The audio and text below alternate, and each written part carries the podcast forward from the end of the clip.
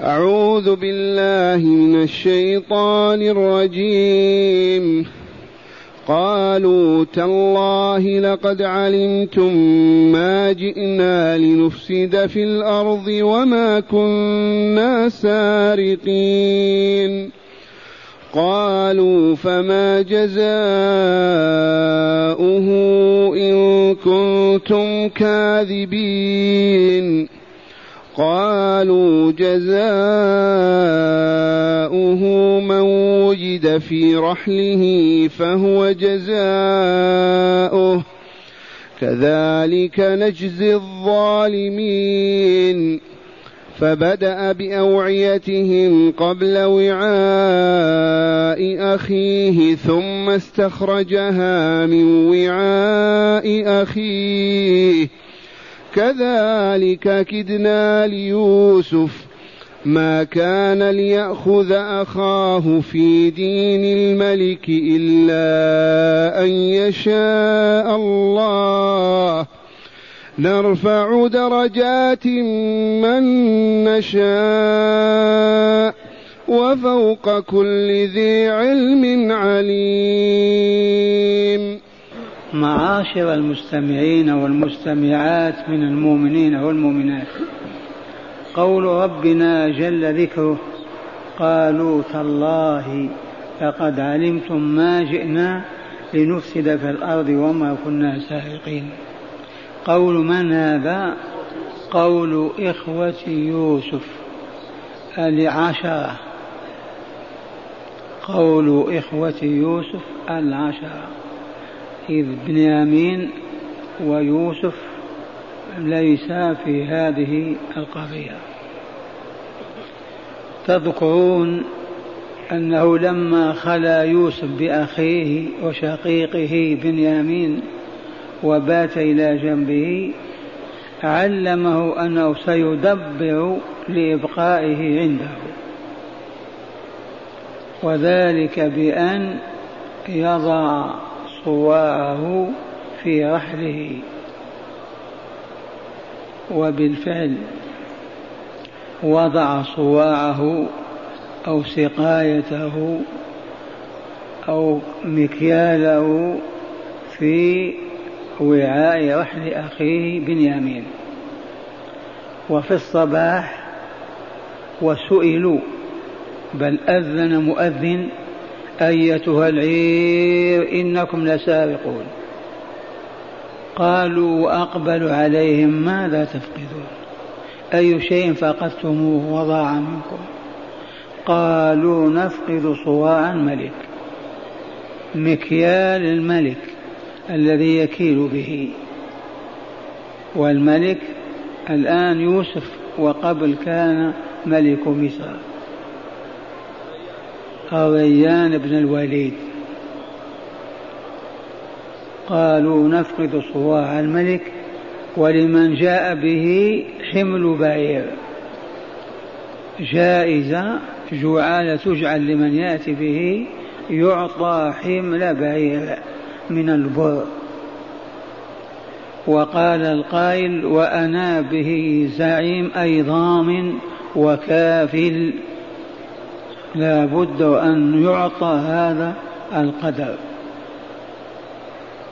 إذا فبما أجاب إخوة يوسف وهم في المواجهة قالوا تالله أي والله والله ما كن لقد قد والله قالوا تالله لقد علمتم ما جئنا لنفسد في الأرض. والإفساد في الأرض بما يكون. يجب أن تعرف بهدم المباني بإفساد الطرق بتحطيم الجسور بما يكون الفساد في الأرض. يكون الفساد في الأرض بمعصية الله تعالى فيما أمر بفعله وفيما نهى عن فعله. وذلك يشمل كل خير. أمر الله تعالى يشمل كل خير في هذه الحياة. إذ ما أمر إلا بما فيه خير الإنسانية وسعادتها وكمالها. ولا نهى عن شيء إلا لأنه ضار بالإنسانية ومفسد لها. إذا فالإفساد في الأرض يكون بارتكاب الذنوب وغشيان المعاصي. كل مرتكب للآثام والذنوب هو والله مفسد في الأرض. فالزاني مفسد القمار مفسد المرابي مفسد الكذاب مفسد الخادع مفسد الغاش مفسد تارك الصلاة مفسد مانع الزكاة مفسد وهكذا. قالوا وهم أبناء يعقوب قالوا ما جئنا لنفسد في دياركم أي لنسرق بها فالسرقة فساد. ولكن لفظ الفساد يعم كل ما جعله الله هداية للبشرية وإصلاحا لها. فمن عاكس فنهى ما أمر الله به وارتكب ما نهى عنه أفسد في الأرض فهو مفسد. هذه كلمة الأنبياء. قالوا تالله لقد علمتم وهم يخاطبون يوسف ورجاله ما جنا لنفسد في الأرض وما كنا سارقين. ليس من شأننا أبدا أن نسرق. بحال من الأحوال. فكيف إذا تتهموننا وتطالبون بهذا الشيء؟ قالوا فما جزاؤه إن كنتم كاذبين؟ القائل هنا يوسف ورجاله هم الذين قالوا لهم ما جزاؤه إن كنتم كاذبين؟ أي ما جزاء من وجد الصاع في رحله. قالوا فما جزاؤه إن كنتم كاذبين. قالوا جزاؤه من وجد في رحله فهو جزاؤه كذلك نجزي الظالمين. هذه شريعة يعقوب ابن إسحاق ابن إبراهيم مطبقة في ديارهم وهي أن السارق يسترق السارق يسترق ويباع ويشترى كسائر الرقيق من الناس. جزاء السارق الاسترقاق قالوا جزاؤه من وجد في رحله فهو جزاؤه. من وجد في رحله فهو جزاؤه. ذاك الذي وجد في رحله هو الجزاء. بمعنى يسترق ويبقيه يوسف رقيقا عنده إن شاء باعه وإن شاء استخدمه. كما هي سنة الله في الرقيق في تلك الأيام. قالوا فما جزاؤه إن كنتم كاذبين؟ قالوا جزاء من وجد في رحله فهو جزاؤه. كذلك نجزي نحن أي يعقوب وأولاده في بلادنا في دولتنا كهذا الجزاء نجزي الظالمين. فبما أجاب يوسف فبدأ بأوعيتهم. إذن فبسم الله وأخذ يوسف بنفسه يفتش في أوعية إخوته. والأوعية جمع وعاء الذي يوجد على الرحل من أكياس إلى غير ذلك.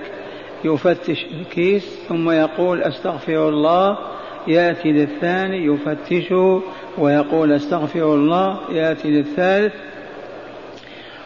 ورأى أن يكون الكيس الذي فيه الصواع هو الأخير وجعله في رحل أخيه بنيامين فكان هو الأخير حتى لا يفطنوا أو يتفطنوا أن القضية مدبرة.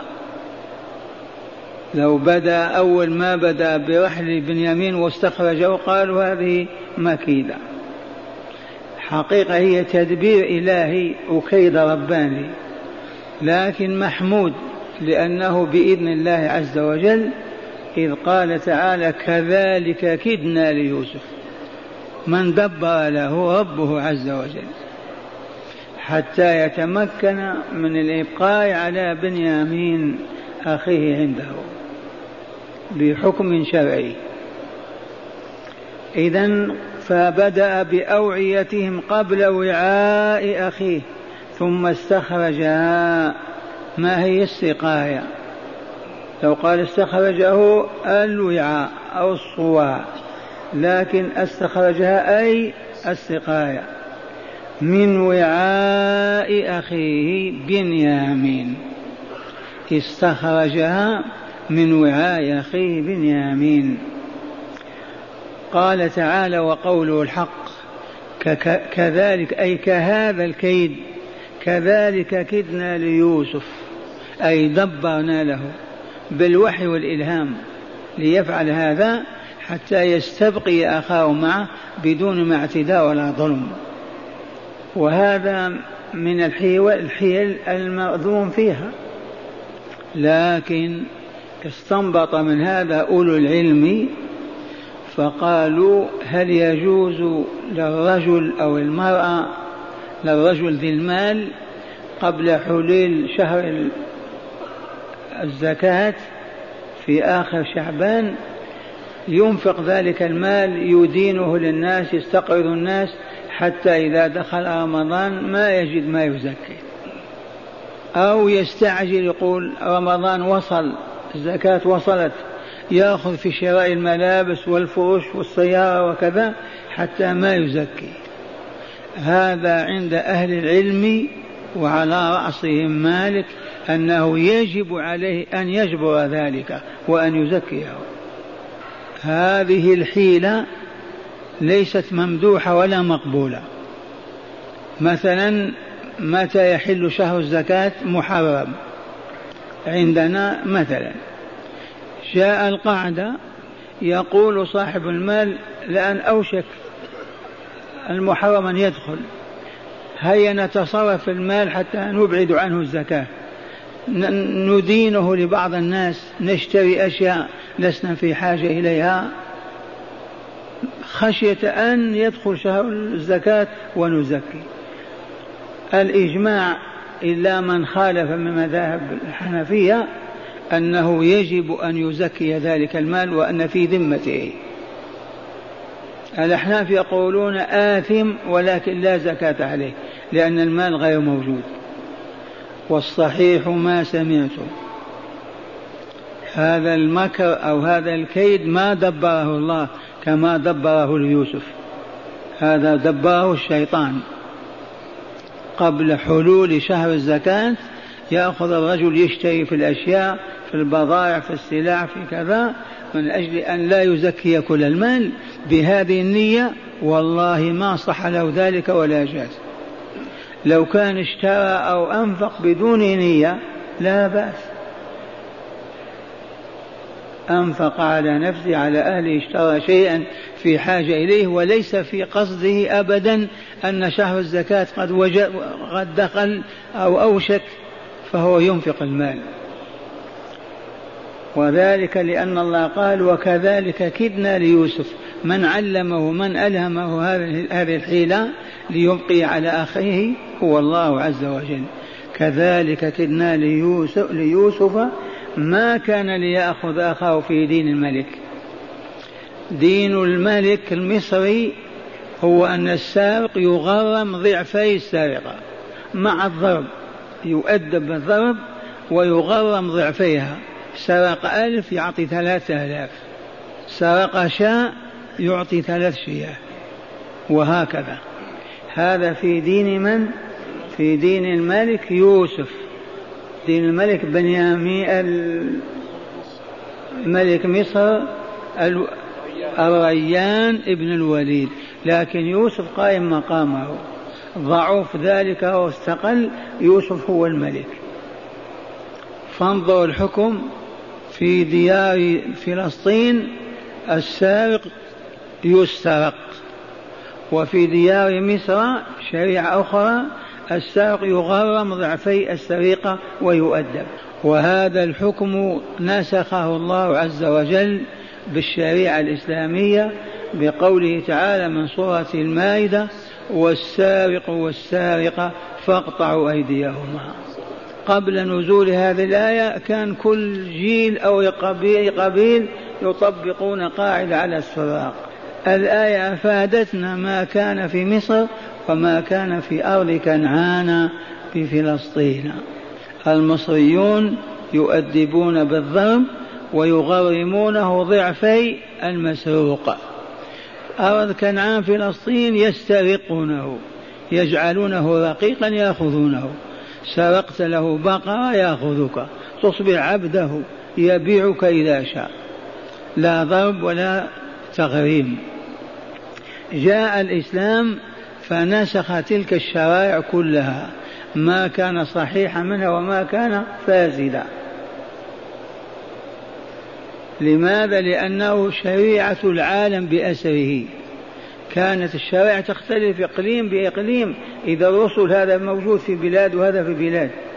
لكن لما أراد الله ختم الرسالات كلها والشرائع كلها حصر في شريعة واحدة إذا ما بقي أبدا في أي بلد يستقل ويطبق شريعة هواه ومراده.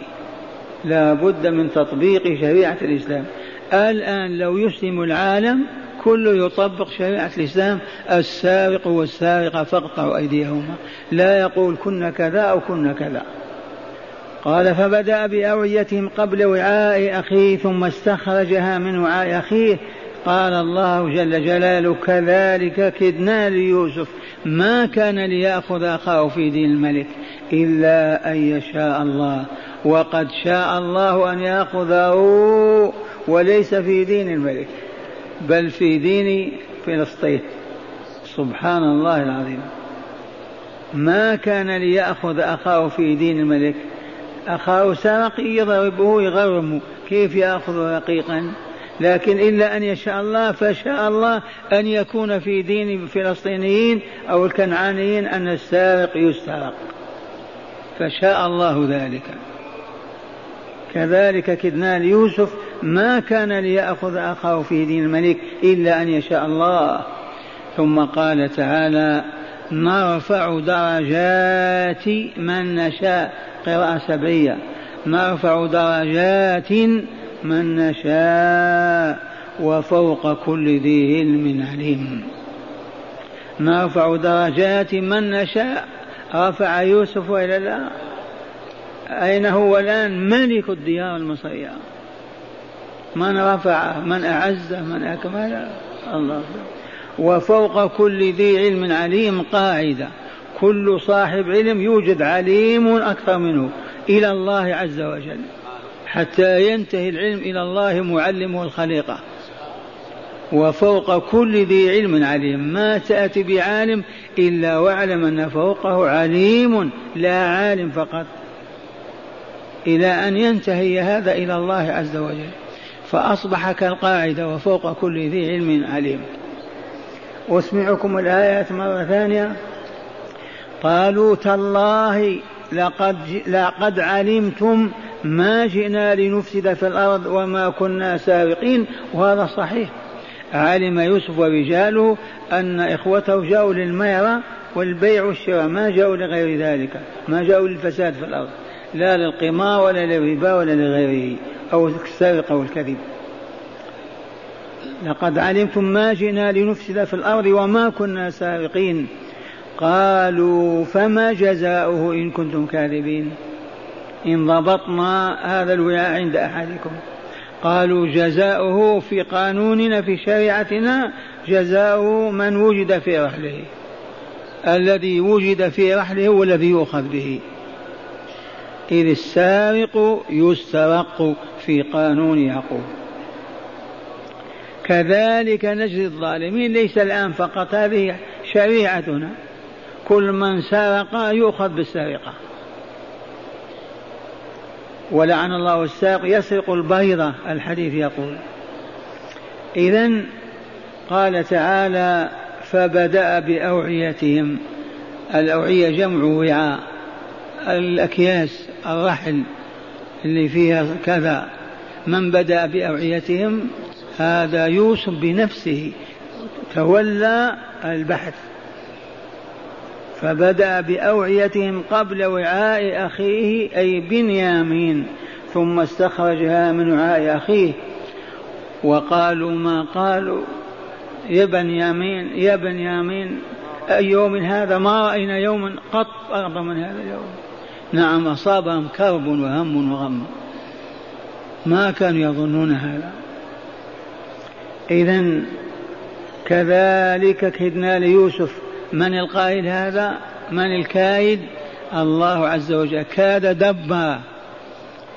مدبر الحكيم العليم. كذلك كدنا ليوسف. ما كان ليأخذ أخاه بنيامين في دين الملك المصري أبدا. ولكن دبر الله فكان في دين الفلسطينيين يؤخذ وهذا الذي أراده يوسف. دبر الله له ذلك. هو الذي ألهمه أن يجعل الوعاء في الإناء في رحل أخيه وهكذا تدبير من؟ تدبير الله عز وجل.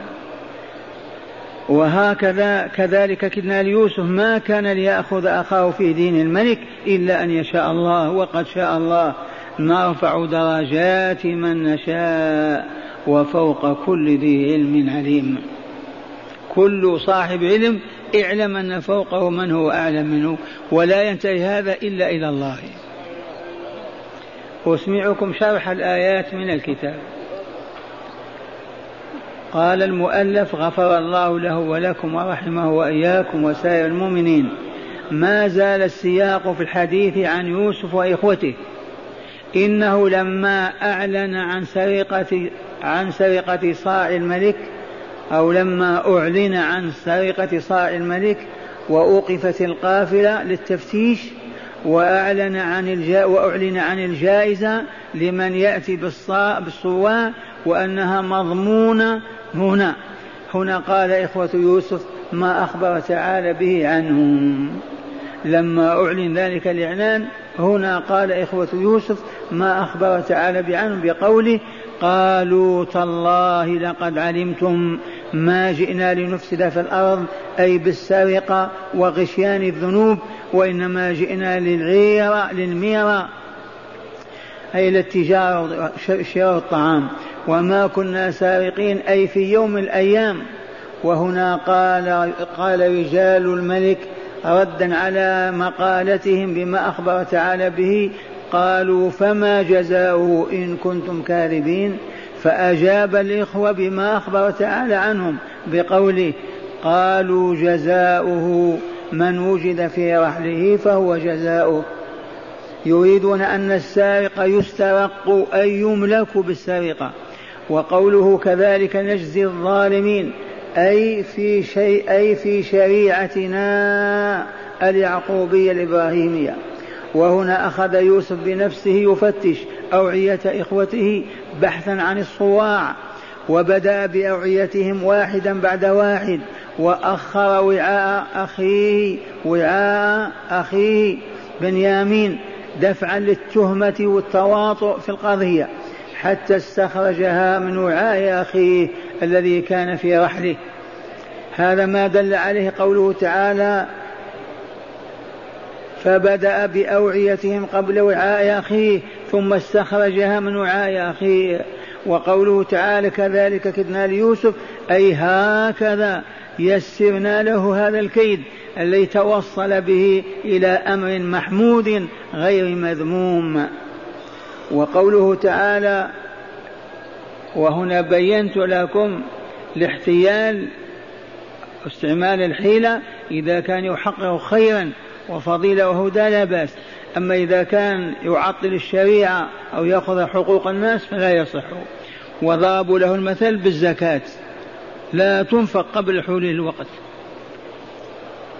قال كذلك كدنا ليوسف أي هكذا يسرنا له هذا الكيد الذي توصل به إلى أمر محمود غير مذموم.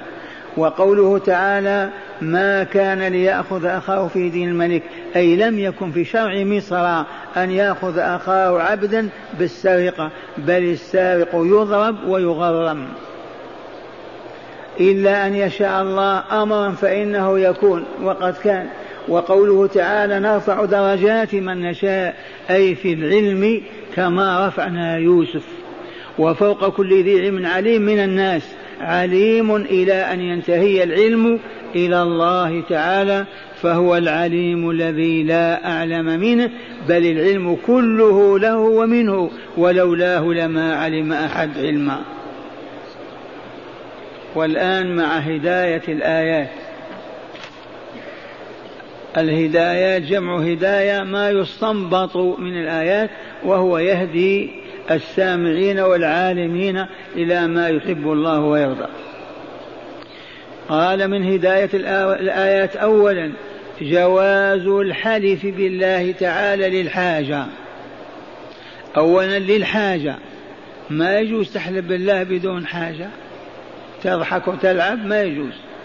لا بد وأن تحلف بالله لحاجة استدعت اليمين. كونك فقط تتحدث وتحلف بالله ما يجوز. لأن الله عز وجل الحلف به تعظيم وإجلال له. فكيف تجل وتعظم وأنت تعبث؟ لا بد من حاجة تستدعيك أن تحلف. والحلف بغير الله كما علمتم لا يحل أبدا وأنه من الشرك في عظمة الله عز وجل.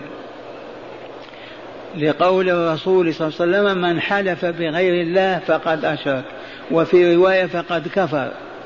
وجه الشرك واضح. لا يحلف إلا بشيء عظيم. من أعظم من الله؟ الله أكبر الله أعظم. فإذا حلفت بمخلوق سويته في العظمة مثل الله أشركته في عظمة الله. وهؤلاء إخوة يوسف قالوا تالله وتالله بمعنى بالله. إذا جواز الحلف بالله تعالى للحاجة أو لغير الحاجة؟ للحاجة لغير الحاجة وهو يضحك ويلعب ما يجوز. ثانيا مشروعية دفع التهمة عن النفس البرية. من أين أخذنا هذا؟ ما جئنا لنفس وما كنا سارقين. دفعا للتهمة ولا لا؟ فيجوز للمؤمن إذا اتهم أن يدفع تلك التهمة بما استطاع أن يدفع به. مشروعية دفع التهمة عن النفس البرية. أما إذا كان ما هو بريء متلوث ويدفع يدفع ماذا؟ معناه يدفع في الحق.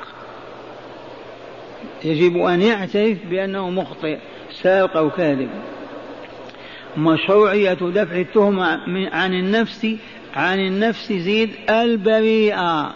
أما النفس المصابة المأثومة ما يجوز طلب البراءة لها. ما دامت متهمة. ثالثا معرفة حكم السرقة في شرعة يعقوب عليه السلام. ما هي؟ يسترق السارق. السارق في شريعة يعقوب في ديارهم السارق يسترق. هذا الذي دبره الله ليوسف حتى يأخذ أخاه بوصفه سرق. تدبير الله العزيز الحكيم. معرفة حكم السرقة في في شرعة يعقوب عليه السلام. رابعا بيان حسن تدبير الله تعالى لأوليائه. من أين أخذنا هذا؟ كذلك كدنا ليوسف. الله يدبر لأوليائه العجائب والغرائب لينجيهم ليرفعهم ليسعدهم ليبعدهم عن المهالك بما يشاء لأنه وليهم. تدبير الله عز وجل بيان حسن تدبير الله لأوليائه. إذ قال تعالى كذلك كدنا أي دبرنا له. ما كان ليأخذ أخاه في دين الملك المصري. خامسا بيان حكم السرقة في القانون المصري على عهد يوسف عليه السلام. ما هو؟ يغرم ويضرب يضرب ويغرم. ممكن الآن هكذا يفعلون به. ما تقطع يده. هل يجوز هذا؟ نطبق قانون مر عليه سبع آلاف سنة. ما يجوز. الآن العالم الإسلامي بكامله يجب أن يطبق حد السارق أو السارقة.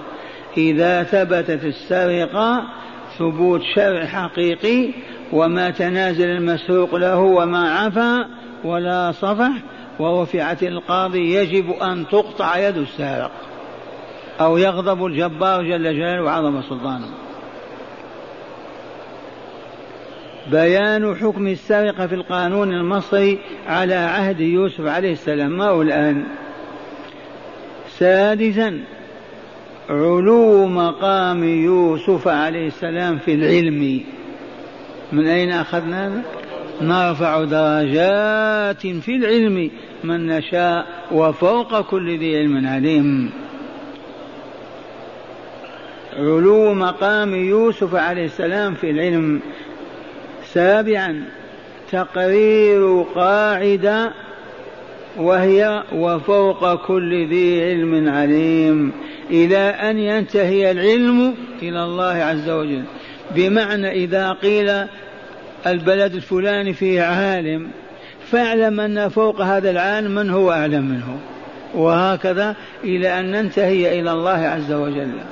ما في عالم فوق كل ذي علم إلا الله. وإلا كل ذي علم فوقه من هو أعلم منه وهكذا إلى الله عز وجل. وفوق كل ذي علم عليم.